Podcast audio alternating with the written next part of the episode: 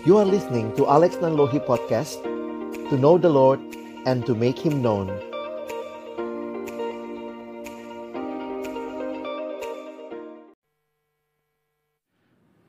Jemaat yang dikasihi Tuhan, mari berdoa sebelum kita membaca merenungkan firman-Nya. 所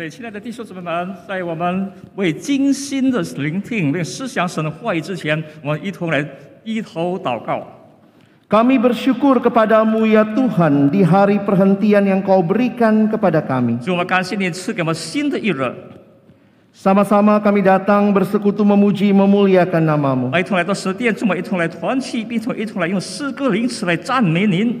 Kami berdoa kiranya pada pagi hari ini ketika firman-Mu akan 我们 diberitakan, 恳切祷告，当神的话语传开的时候， bukalah hati kami, 求主敞开我的心门， Jadikanlah hati kami seperti tanah yang baik. Supaya ketika benih firmanmu ditaburkan. Boleh sungguh-sungguh berakar, bertumbuh dan berbuah nyata di dalam hidup kami. Kami percaya kebangunan rohani yang sejati terjadi ketika umatmu berjumpa dengan Tuhan di dalam firman.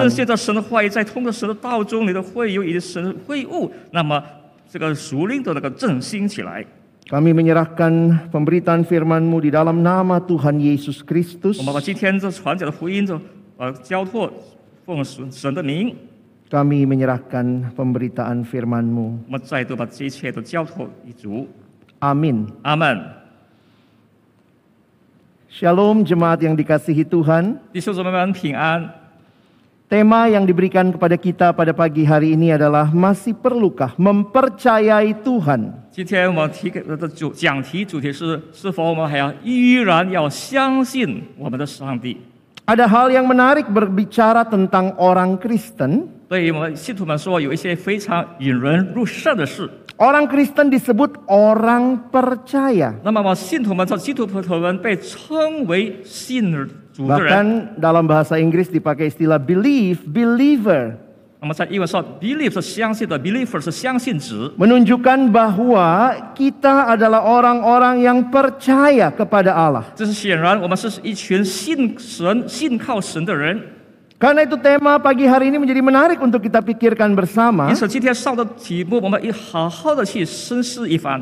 Mungkin juga masih ada di antara Bapak Ibu Saudara yang sedang bertanya, betulkah Tuhan layak dipercaya? 也许在当中还有一些弟兄姊妹说，是否我们依然要相信我们的神，相信上帝？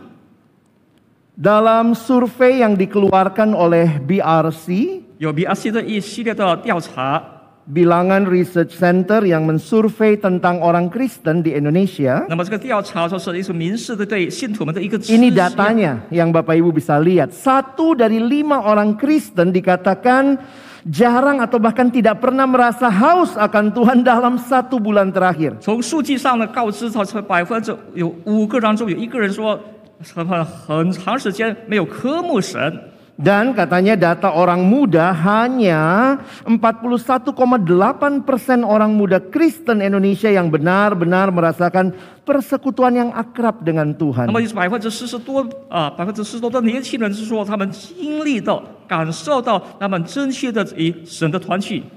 karena itu kebangunan rohani yang sejati juga harus dimulai di dalam gereja Tuhan. Sebelum juga kita memberitakannya kepada orang-orang yang belum mengenal Yesus. Siapakah Yesus? Yesus Siapakah Yesus yang telah hadir ke dalam dunia yang bahkan membelah dunia menjadi dua sejarah sebelum Masehi dan sesudah Masehi. 耶稣是谁？是来到这个世界上，在这个世界上分为两个，就是公元前和公元后。 Satu waktu di dalam pelayanan Yesus bersama murid-muridnya 一会儿，耶稣与他的门徒们在侍奉的时候， di dalam Markus pasal yang ke-8 ayat 27 sampai 29. 在马可福音的二十第八八章二十七到二十九节， Saya akan membacakan terlebih dahulu dalam bahasa Indonesia lalu dalam bahasa Mandarin akan diterjemahkan. Kemudian Yesus beserta murid-muridnya berangkat ke kampung-kampung di sekitar Kaisarea Filipi. Di Di tengah-tengah jalan, di tengah jalan ia bertanya kepada murid-muridnya, katanya, kata orang siapakah aku ini? Jawab mereka, ada yang mengatakan Yohanes Pembaptis. Ada juga yang mengatakan Elia. Ada pula yang mengatakan seorang dari para nabi. Ia bertanya kepada mereka, tetapi apa katamu? Siapakah aku ini? Maka jawab Petrus, engkau adalah Mesias. 马太马可福音的八章二十七到二十九节，耶稣和门徒走出去，往开撒利亚菲利比的村庄去，在路上问门徒说：“人说我是谁？” 他们说：“有人说是实习的约翰，有人说是以利亚，又有人说是先知里的一位。”又问他们说：“你们说我是谁？”彼得回答说：“你是基督。” Tidak banyak orang yang suka dengan ujian, betul? 很少人喜爱这考试或者试验。Rasanya kalau ujian wah repot, bukan repot baca soalnya, tapi repot menjawabnya. 考试不仅是我们在在答这个去忙起来，就是不单是要读这个考题，是做答题的时候。 Anak remaja kalau ditanya bagaimana ujiannya, soalnya gampang, jawabnya susah. 少年说考试如何？他说考题是容易，可是要做的是非常的艰难。 Tetapi ternyata Yesus memberikan ujian kepada murid-muridnya. 然而，耶稣基督在考他的门徒， Ujiannya dua soal, dua nomor, 那 saudara. 么考题只有两道题。 Di dalam ayat 27 yang kita baca tadi, 在二十七节，我们刚刚读的一处经 kalau 文， saudara perhatikan dituliskan Yesus beserta muridnya berangkat ke kampung-kampung di sekitar Kaisarea Filipi. Ini daerah paling utara yang dituliskan Yesus layani. 那么这个是在 呃二十七节记载中，耶稣与门徒是往开撒利亚，就是在一个北部的，就是耶稣的侍奉之地。Bapak Ibu Saudara bisa melihat petanya di mana Kaisarea Filipi. 弟兄姊妹，从地图上我们看到了开撒利亚在何处，还有 Sebuah kota yang pada masa itu terkenal dengan penyembahan berhalanya. 是那时候，这个一个是小镇，就是当时是非常著名以敬拜偶像之小镇。Dan nampaknya juga tidak kebetulan. Di tempat itu Yesus bertanya, kata orang, siapakah aku ini? Ini soal ujian nomor satu. Yesus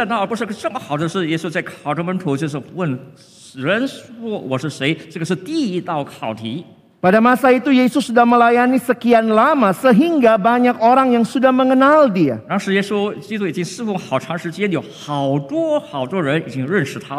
当时耶稣基督已经侍奉好长时间，有好多好多人已经认识他了。 Perhatikan murid-muridnya merangkum jawaban dari banyak orang yang ada di sekitar mereka. 门徒们就说，概括的说，他们说， Ada yang mengatakan Yohanes Pembaptis katanya. 有人说你是施洗约翰， Kenapa Yohanes Pembaptis? Karena nampaknya pesannya Yohanes dan pesannya Yesus itu sama. Ra- Pesan pertobatan sebab kerajaan sorga sudah dekat. 然而为什么叫施洗约翰？因为耶和是约翰的吩咐跟耶稣基督是 一同口异口同声的，就是在天国进了，你们要必须得悔改。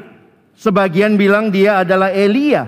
有人还说他是以利亚，Kenapa Elia? 为什么叫以利亚呢？Karena kehadiran Yesus yang melayani dengan beberapa mujizat yang dilakukan mengingatkan tentang cerita Elia di dalam perjanjian lama. 在耶稣基督的侍奉的过程中，他所行的神迹，就在如从以利亚先知所述说的。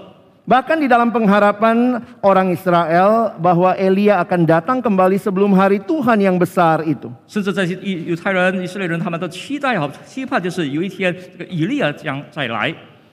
Ada yang lebih umum, ya sudahlah kita sebut saja para nabi.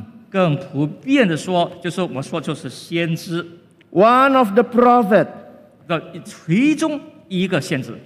Jadi apa yang Yesus lakukan menunjukkan sebuah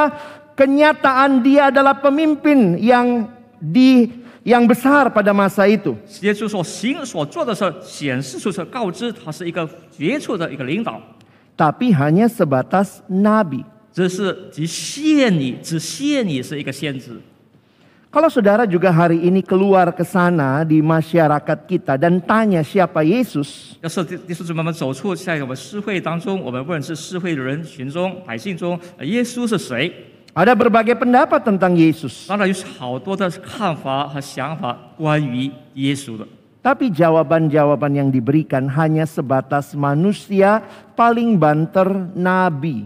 可是就是一般的答案就是说，人局限的说只是先知而已。 Sehingga pertanyaan dalam tema hari ini, masihkah Yesus layak dipercaya? 因此，今天我们的主题是说，是否我们耶稣还值得我们信靠呢？ Nampaknya Yesus tidak puas hanya sampai di situ. Ini soal ujian nomor dua. 耶稣对第一个的第一个考题还不感到满意，那么就进入第二道考题了。 Ayat 29 dia bertanya kepada murid-muridnya, "Tetapi apa katamu siapakah aku ini?" 又问他们说：“你们说我是谁？ Bukan hanya apa kata orang, tetapi katamu sendiri murid-murid yang telah bersama Yesus siang dan malam. Siapakah aku? 不是他们，这指群众，这是指门徒，就是昼夜与基督同在的门徒们说：你们是说我是谁？ Maka Petrus mewakili mereka menjawab, "Engkau adalah Mesias." 基督代表其他的门徒就说：你是基督，你是弥赛亚。 Ini adalah sebuah pengakuan yang luar biasa. 一个是一个非常之了不起的认可， Karena bukan dari diri Petrus, bahkan bukan dari pendapat orang. 不是发自彼得本事，也不是其他人的想法和看法， Tetapi dikatakan Allah yang menyatakannya. 是神告知的。 Demikianlah catatan di kitab Injil paralel. 那么在一切记圣经的记载中， karena itu saya mengutip kalimat dari seorang pengkhotbah muda bernama David Platt. A true understanding of Christ comes not from human invention, but from divine revelation. Pengertian yang benar tentang Allah, tentang Mesias, tentang Kristus bukanlah hasil temuan manusia, tetapi adalah apa yang Allah nyatakan. 那么在这个一个作者的写到，那么对基督弥赛的认识和认知，不只不只是来自人的发现或者发明，而是神的启示。 Manusia di dalam kesombongannya merasa Yesus hanya manusia biasa. 人以这一颗自负自高的心，就认为耶稣只是一个普通的人。 Tetapi pengakuan Petrus membawa kita melihat lebih dalam lagi. Siapakah Mesias itu? 可是彼得的认识，对基督的认识，跟我们带入进一更深一层对基督弥赛亚的认识。 Mesias itu adalah bahasa Ibrani, sementara Kristus itu bahasa Yunani. 那么弥赛亚是希伯来文，那么基督是呃是由希腊文。 Kalau Bapak Ibu Saudara punya Alkitab tercetak dalam bahasa Indonesia, silakan buka kamus Alkitab di belakang. Kita menemukan penjelasan bahwa Kristus adalah yang dipilih Allah untuk menjadi penyelamat dan Tuhan.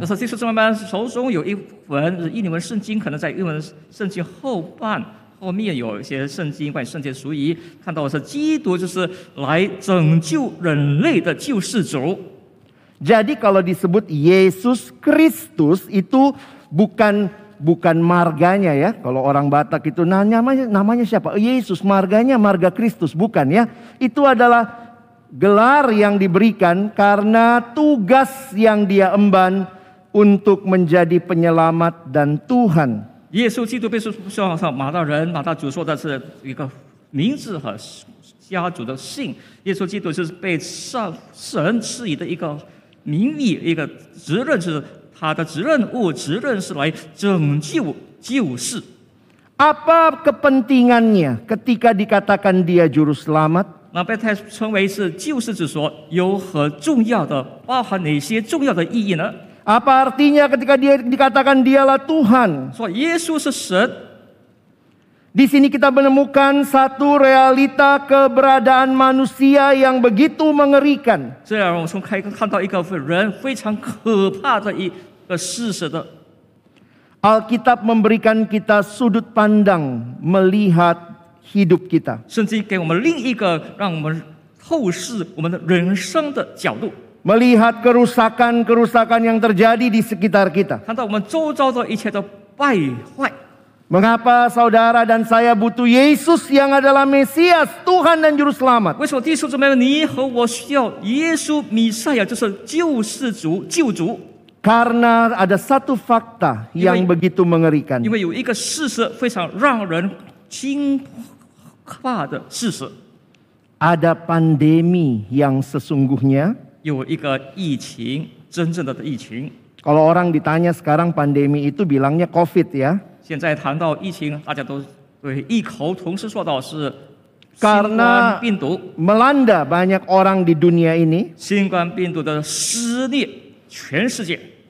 Tapi kalau saudara pelajari, sebenarnya dosa adalah the real pandemic. Pandemi yang sesungguhnya. 若是弟兄姊妹知道的话，罪就是真真真正的真正的一个病毒疫情。 kalau kita membaca di dalam Alkitab Roma 3 ayat 23, semua manusia telah berbuat dosa dan kehilangan kemuliaan Allah.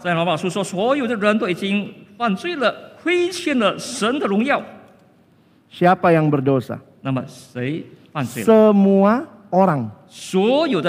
Tanpa kecuali. Kalau COVID memang terjadi di banyak tempat di dunia tapi ada yang kena, ada yang tidak. 若是新冠病毒，就是有一些人在一些某处地方他们得了，不幸得了，但是有一些人也是很侥幸的没有患上新冠病毒。 Penyakit apa? Tanda kutip ya. Ah. Yang melanda seluruh dunia, semua manusia. 那么什么哪一种疾病能够就是临到世界上的每一个人， Dosa. 就是罪， Sin is the real pandemic. 罪就是真正的一个病毒或者疫情。 Dan karena itu kita tidak hanya butuh manusia untuk menyelamatkan dan menyelesaikan pergumulan 因此， itu. 我们不仅仅是需要人去解决这些问题。 Inilah pentingnya ketika Petrus mengaku engkau adalah Mesias. 这个是反腐非常重要的时候，当彼得承认耶主啊，耶稣啊，你是基督，你是弥赛亚， Dialah juru selamat, dialah Tuhan. Yesus karena realita dosa yang begitu mengerikan yang membelenggu hidup manusia. Yang lain hanya lihat siapa Yesus, oh nabi, siapa Yesus, oh orang besar.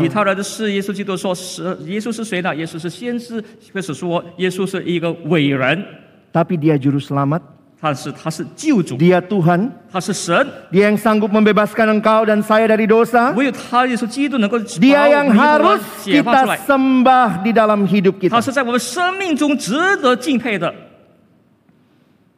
Sehingga pertanyaan tema pagi ini, 因此，今天上午的主题是 masih perlukah percaya Tuhan? 我们依然还需要相信神嘛？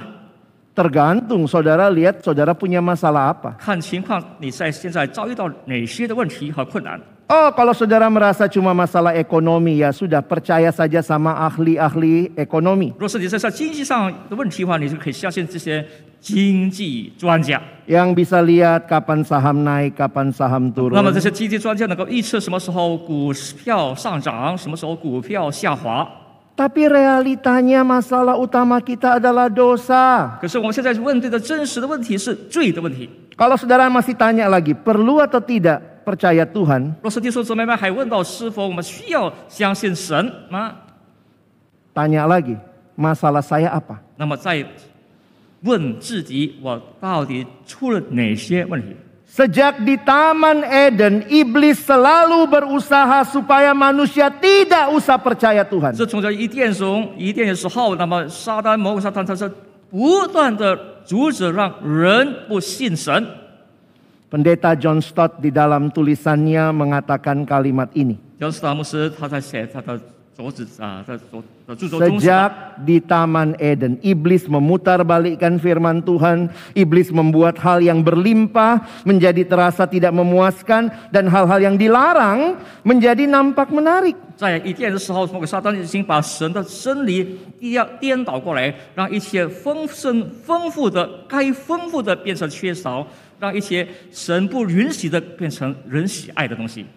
Sampai sekarang beliau lanjutkan.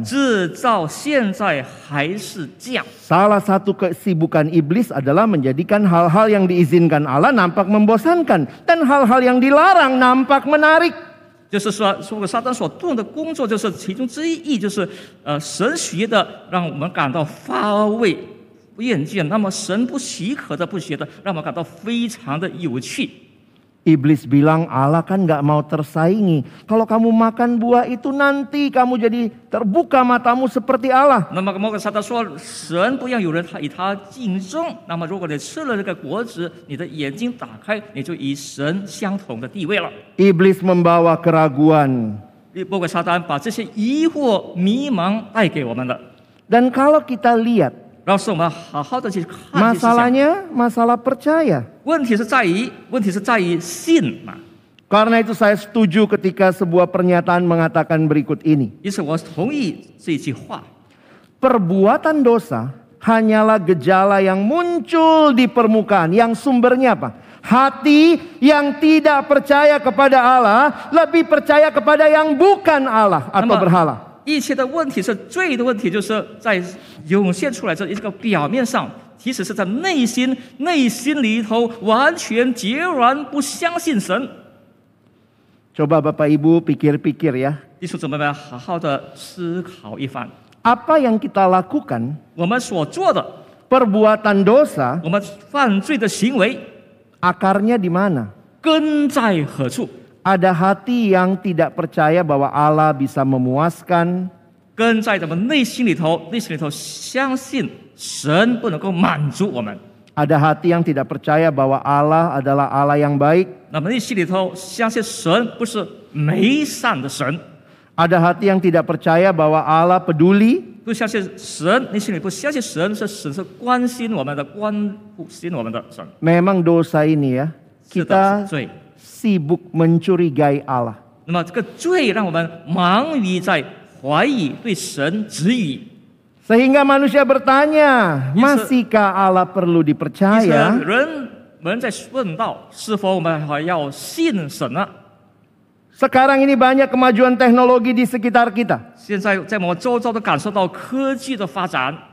Kemajuan yang gampang sekali membuat kita ngapain percaya sama Tuhan, percaya kepada Kristus, mendingan percaya kepada semua perkembangan teknologi yang ada. 科技的发展和发达，让我们想想让我们感到，为何我们要信神、信基督呢？我们更好是相信这些科技的手段。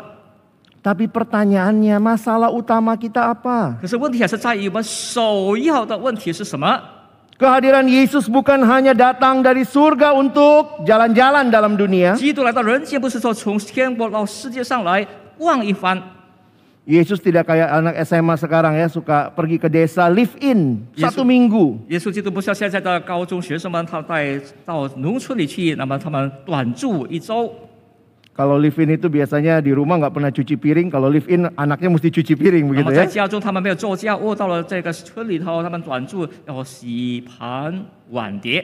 Yesus tidak hanya datang kunjungan kerja, lihat-lihat. Yesus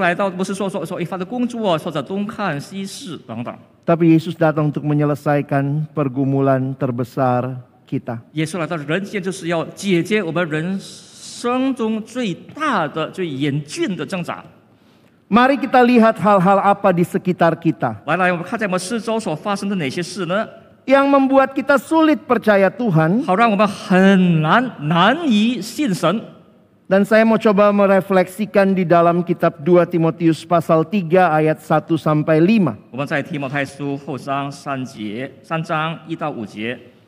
Kalau Bapak Ibu Saudara perhatikan, inilah kondisi manusia akhir zaman. 弟兄姊妹，要是你好好的留意这处经文，你就会发现到这是现在末世的呃境遇或者处境。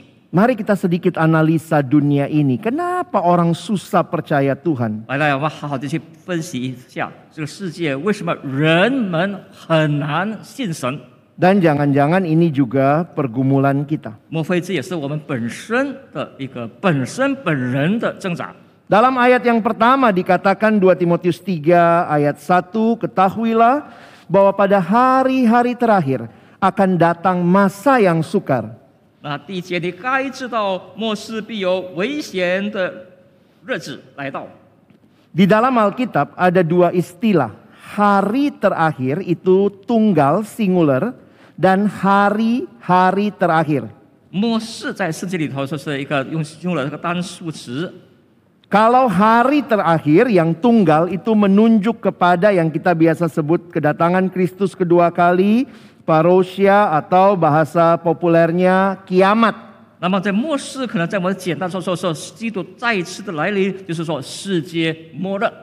Tetapi perhatikan kalau Alkitab berbicara hari-hari terakhir, itu bicara sebuah periode dari Yesus datang pertama kali sampai nanti dia datang kedua kali.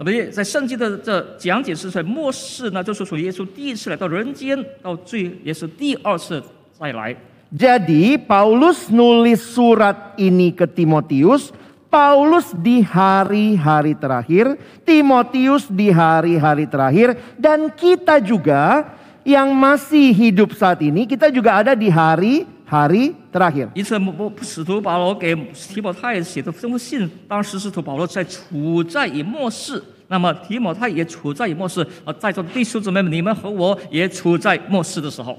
periode dari Yesus datang pertama kali sampai dia datang kedua kali.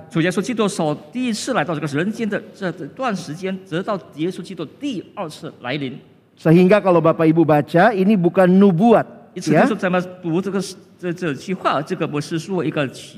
Karena nubuat sesuatu yang nanti baru terjadi.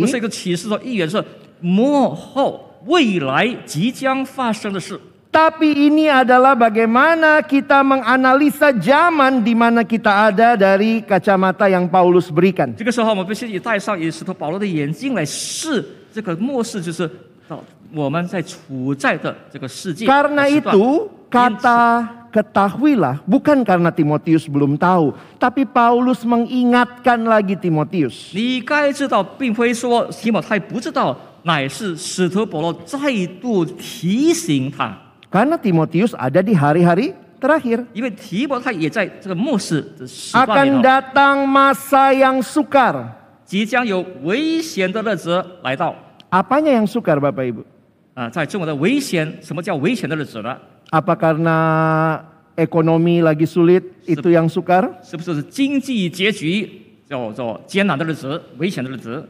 Apakah karena perubahan iklim alam itu yang sukar?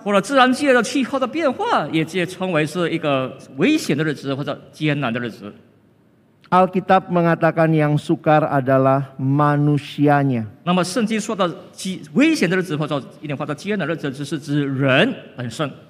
Silakan Bapak Ibu nanti bisa baca ya di dalam ayat 2 sampai 4.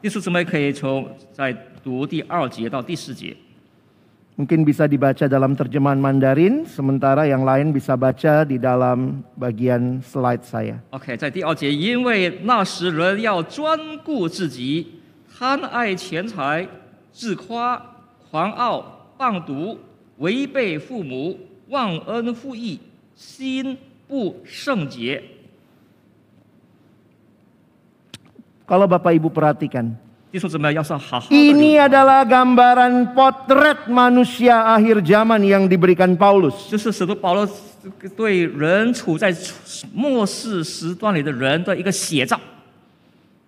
Masih mudahkah percaya Tuhan 我们是否还容易信神嘛？ di saat ini menjadi ciri dari manusia Juga- yang hidup di akhir zaman? 这个是我处在生活在末世的人的一个非常的特征。 Kalau Bapak Ibu perhatikan di dalam terjemahan aslinya, kalau kita list ada 19 ciri manusia akhir zaman.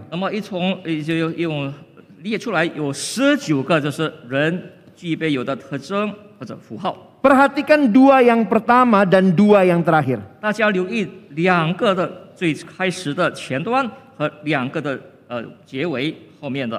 家留意两个的最开始的前端和两个的呃结尾后面的。 Sebenarnya di dalam terjemahan aslinya dipakai kata cinta.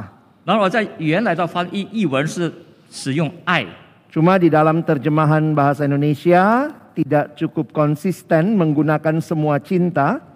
但是在印尼文的翻译没有始终惯例的，这是用爱来翻译， Jadi cintanya cuma nomor satu ya. 而这是在第一节的用了使用了这个爱。 Tadi cek dengan terjemahan Mandarin ada tiga cinta kalau Mandarin kalau saya tidak salah tadi. 在中文圣经有三个使用爱这个动词， Saudara perhatikan jadi sebenarnya terjemahannya cinta diri, yang kedua cinta uang, yang ketiga di bawah cinta hawa nafsu dan paling bawah cinta Allah. 那么其实有四个的爱，在第一个就是爱自己，那在在中国的圣经是专顾自己；第二是在 爱钱财，那么第三的是爱愿乐，还有爱神，第四的是爱神。Nah, kalau Bapak Ibu lihat terjemahan bahasa Inggris cukup konsisten. 那么在英文的翻译本，我们看到它是始终翻译的，Dia pakai istilah lovers of themselves, lovers of money, lovers of pleasures, dan lovers of God. 那么在英文圣经中使用是 lover，就是爱，爱什么的指 的人。 Nah, pertanyaannya, 问题是， di mana engkau taruh cintamu? 我们如再把我的爱搁在何处呢？ Cinta sama percaya itu sebenarnya berjalan beriringan. 那么爱和信原本是应该是一并而行的。 Ketika manusia tahu Allah dan dia percaya sama Allah, dia cinta sama Allah. 当人认识神，他爱他知道神，他爱神，他信神。 Seharusnya inilah yang menjadi ciri manusia yang cinta Tuhan. 这个就是一个爱主爱神人的具备有的特征。 Tapi perhatikan, Kesetaraan ada diri. Allah dalam list mereka? 可是在这个列中有他们吗？ Ada sih, tapi bukan nomor satu. 有，可是不是摆在隔在第一位的。 Hari Minggu cinta Allah, 星期天我们爱主， hari lain cinta uang. 那么其他的日子我们爱钱财了。 Hari Minggu cinta Tuhan, 星期天、礼拜天我们爱神， hari lain cinta hawa nafsu. 其他的日子我们在爱欢宴、爱宴乐。 Pornografi, main cewek, main cowok, rasanya wow, hari lain cinta nafsu. 看一些淫秽片、男女乱交等等，其他的日子都属于属于在宴乐，就是享受肉欲的日子里头。 Kalau saudara tidak bisa menempatkan cintamu kepada Allah yang mencintaimu dengan luar biasa dengan kematian anaknya di kayu 是 salib. 弟兄姊妹们，能够把我们爱我们的神人，把他吃的爱子死在十字架上，隔在首位的话， Maka mungkin hari Minggu kita terlihat cinta Tuhan, Yes. tapi hari lain 也许在星期天，我们看起来仿佛是一个爱神的人，可是其他的日子呢？ betulkah kita cinta Tuhan sungguh-sungguh? 是否我们真心的爱神啊？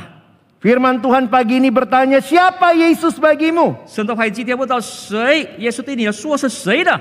Kalau dia sungguh-sungguh Tuhan dan juru selamatmu, di manakah engkau taruh cintamu setiap hari? 若是耶稣基督是你的啊，神是你的救世主，你如何把神对神的爱隔在哪里？ Karena itu di ayat yang kelima Paulus berkata secara lahiriah. Itu. Mereka menjalankan ibadah mereka. 因此，在第五节，呃，保罗使徒保罗强调说，有敬虔的外貌。 Jadi ini bukan orang-orang yang nggak ke gereja kayaknya ya. Bukan orang-orang yang tidak beribadah. 敬虔的外貌，并不是说指一些没有到礼拜堂去做礼拜的、没有去敬拜神的人， Tetapi pada hakikatnya mereka memungkiri kekuatannya. Jauhilah mereka itu. 却背了敬虔的实意。 Hidup seperti ini bukanlah hidup yang mempercayai Tuhan. 这种的生命的流程，就并不代表着我们信神的人。 Percaya itu artinya fokus menyerahkan seluruh hidup kepada yang kita percayai. 信是意味着我专注，并把我们所有的摆上，信靠我们所相信的神。 Bapak Ibu saya pagi ini mau kasih kita lensa untuk melihat dunia 在座弟兄姊妹，今天上午我要给你们一一块镜片来透 dari 视 apa 这世界 yang 上。 kita baca di 2 Timotius tadi. 从提摩太书我们所读的那处 几处经文里头， Jadi mari Bapak Ibu kita coba evaluasi hidup kita 弟兄姊妹们来个有自我的呃反省和评估。 karena secara sederhana, maaf saya cukup oversimplistic tapi secara sederhana 非常简单地说。 semua ada di dalam dunia ini 在这个所有的在世界上都存在， itu pasti terkaitnya sama tiga tadi.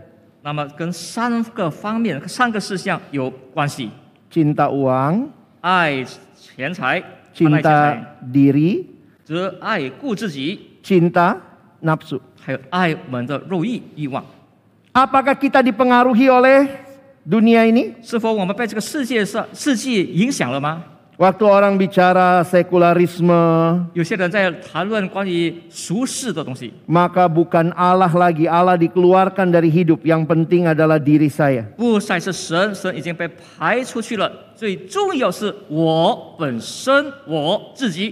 Manusia sibuk konsumerisme, belanja, hedonisme, senang-senang, pragmatisme, maunya yang gampang-gampang. Rasa- Ini generasi yang empang, enak dan gampang.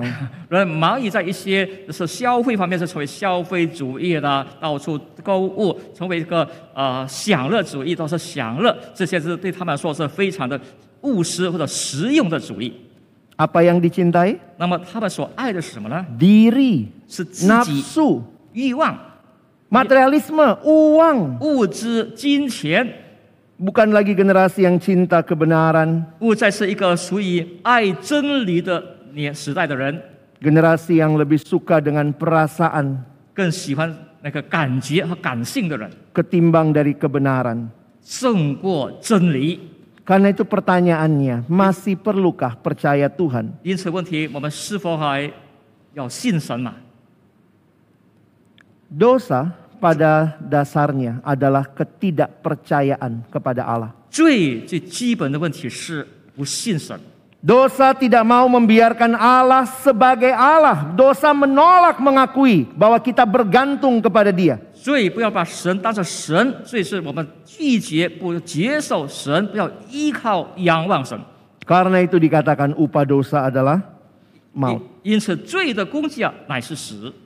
Terpisah dengan Allah sang sumber hidup maka tidak ada lagi hidup. 与生命之泉点的神隔绝了，就再也没有生命了。 Tapi sang Mesias datang. 可是弥赛亚来到这个世界了， Apa yang dia berikan supaya saudara dan saya beroleh hidup yang kekal? 他让我们，他赐给我们什么，让我们获得得着永恒的生命呢？ Dia menyerahkan nyawanya bagi kita. 他把他为我们死生的， Karena begitu besar kasih Allah akan dunia ini sehingga ia telah mengaruniakan anaknya yang tunggal supaya setiap orang yang percaya tidak binasa. 神爱世人，将独生子赐给他们，反信他的人不得不知灭亡，反得永生。 Hidup kekal bukan semata-mata bicara banyak uang, banyak cuan, banyak hal-hal yang materi. 永恒的生命不单单是只是我们有拥有很丰富的财富，赚了一大笔钱，有许多丰盛、丰富的物质方面。 Pendeta John Piper berkata, abundant life is not about having stuff. It is about having peace, having joy, and having God. 这个约翰·拜伯尔他说到，那么我们丰富丰盛的生命，不仅是我们拥有好多丰富的物质，乃是我们拥有呃喜乐、平安，还有神，拥有神。Kepada orang-orang yang nampaknya lebih percaya uang daripada percaya Tuhan, 对一些他们被更爱贪、爱钱财的人，胜过爱神的人来说，kepada orang-orang yang nampaknya lebih percaya materi daripada percaya Tuhan,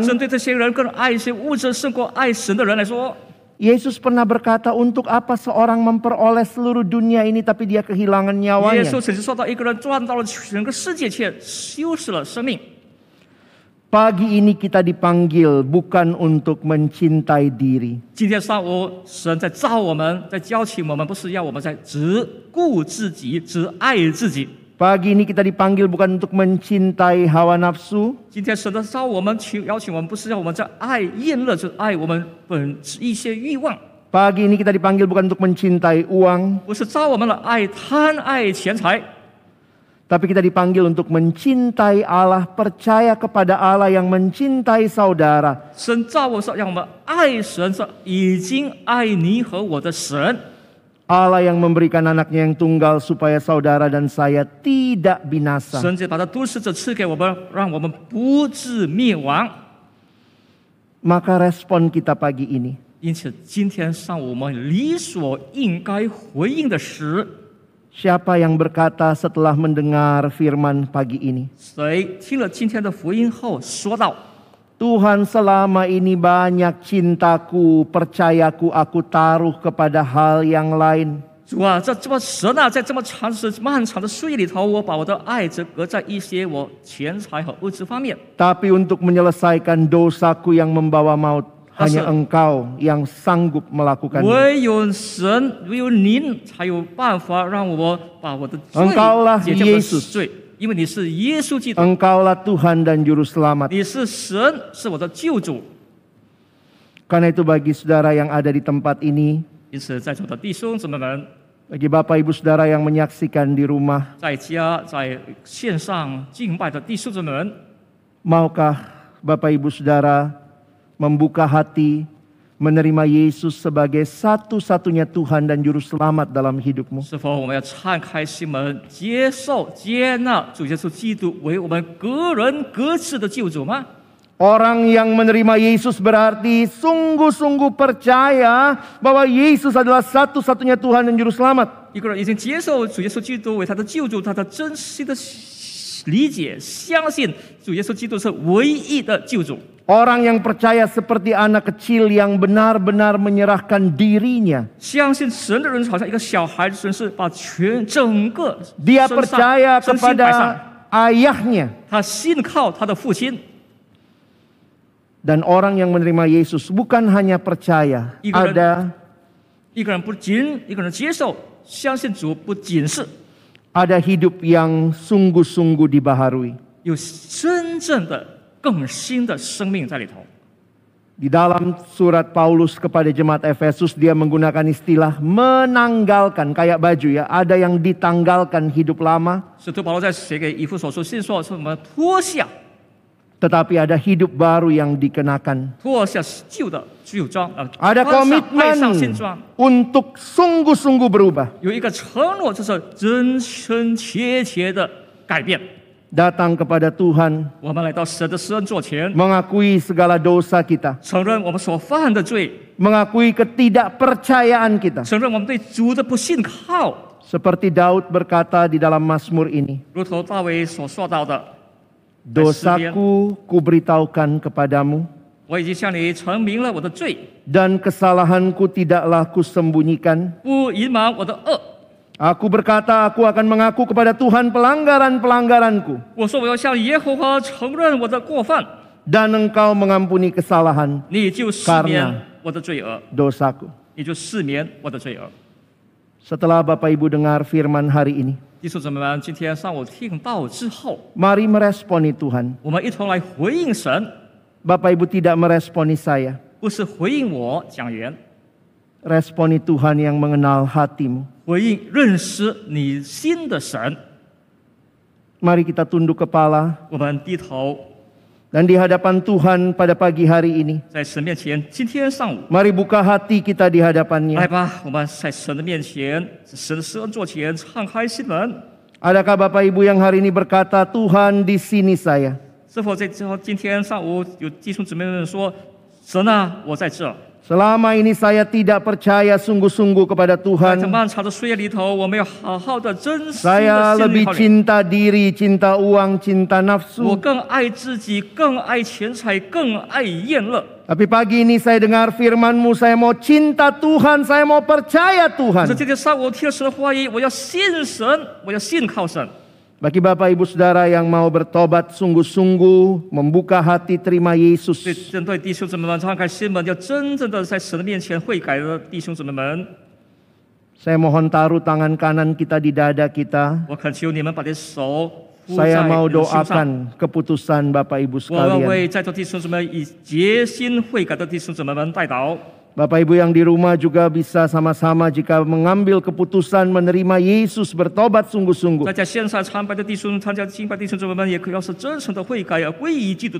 Taruh tangan kanan kita di dada sebagai simbol penyerahan kepada Tuhan. Dan bagi Bapak Ibu yang mungkin sudah pernah terima Yesus, hari ini Tuhan panggil engkau untuk juga boleh bertumbuh dan melayani Dia. 今天上午基督召耶耶稣，神啊，召你，让人真正的在神的真道里、神的爱里的成长，逐日成长。 Jika ada Bapak Ibu yang mau ambil keputusan ini, 若是在座弟兄姊妹要下这个决心的话， keputusan kedua untuk bertumbuh, berkomitmen melayani Tuhan, 决心承诺要在神里头成长， Taruh tangan kanan saudara di dada juga sebagai simbol penyerahan dirimu. Mari berdoa. Tuhan terima kasih hari ini kami boleh dengar firman. Tuhan terima kasih karena hidup kami diarahkan kepada Tuhan yang begitu mengasihi kami. Ampuni kami yang selama ini begitu percaya sama diri sendiri, mencintai diri. Kami yang dibutakan dengan uang, mencintai uang. Kami yang masih hidup dalam hawa nafsu, mencintai nafsu. Tapi hari ini hamba menyerahkan Bapak Ibu Saudara yang mengambil keputusan untuk terima Yesus.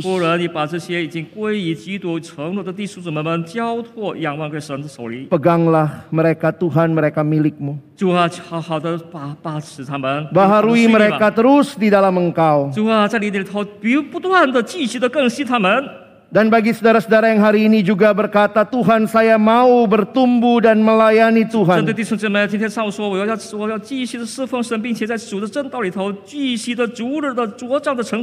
Tuhan pakailah mereka bagi kemuliaanmu. Terus bertumbuh dan jadi berkat bagi pelayanan Tuhan. Jadi berkat buat banyak orang. 也被为为了成为大家众人的侍奉 Kami 渠道。 bersyukur pagi ini kami boleh 神 meresponi 啊，我感 firman-Mu. 谢你，今天上午我们能够回应神的话语， Dalam nama Tuhan Yesus 奉 kami 我主耶稣 berdoa. 基督宝贵之名祈求祷告， Amin. 阿门。 Bapak Ibu Saudara silakan juga boleh mengisi komitmen. 弟兄姊妹们，你们可以把你的承诺尾声填写在 Bisa 那个 mengirimkan 经文手里呃 Ke 地上 nomor 上 yang sudah tertera 可以发在啊、发送到已经记载的号码。 akan ada saudara-saudara yang akan mendukung mendoakan keputusan 有 saudara. 好多弟兄姊妹们为你的承诺、你的尾声给予支持。 Tuhan memberkati kita. 神赐福大家。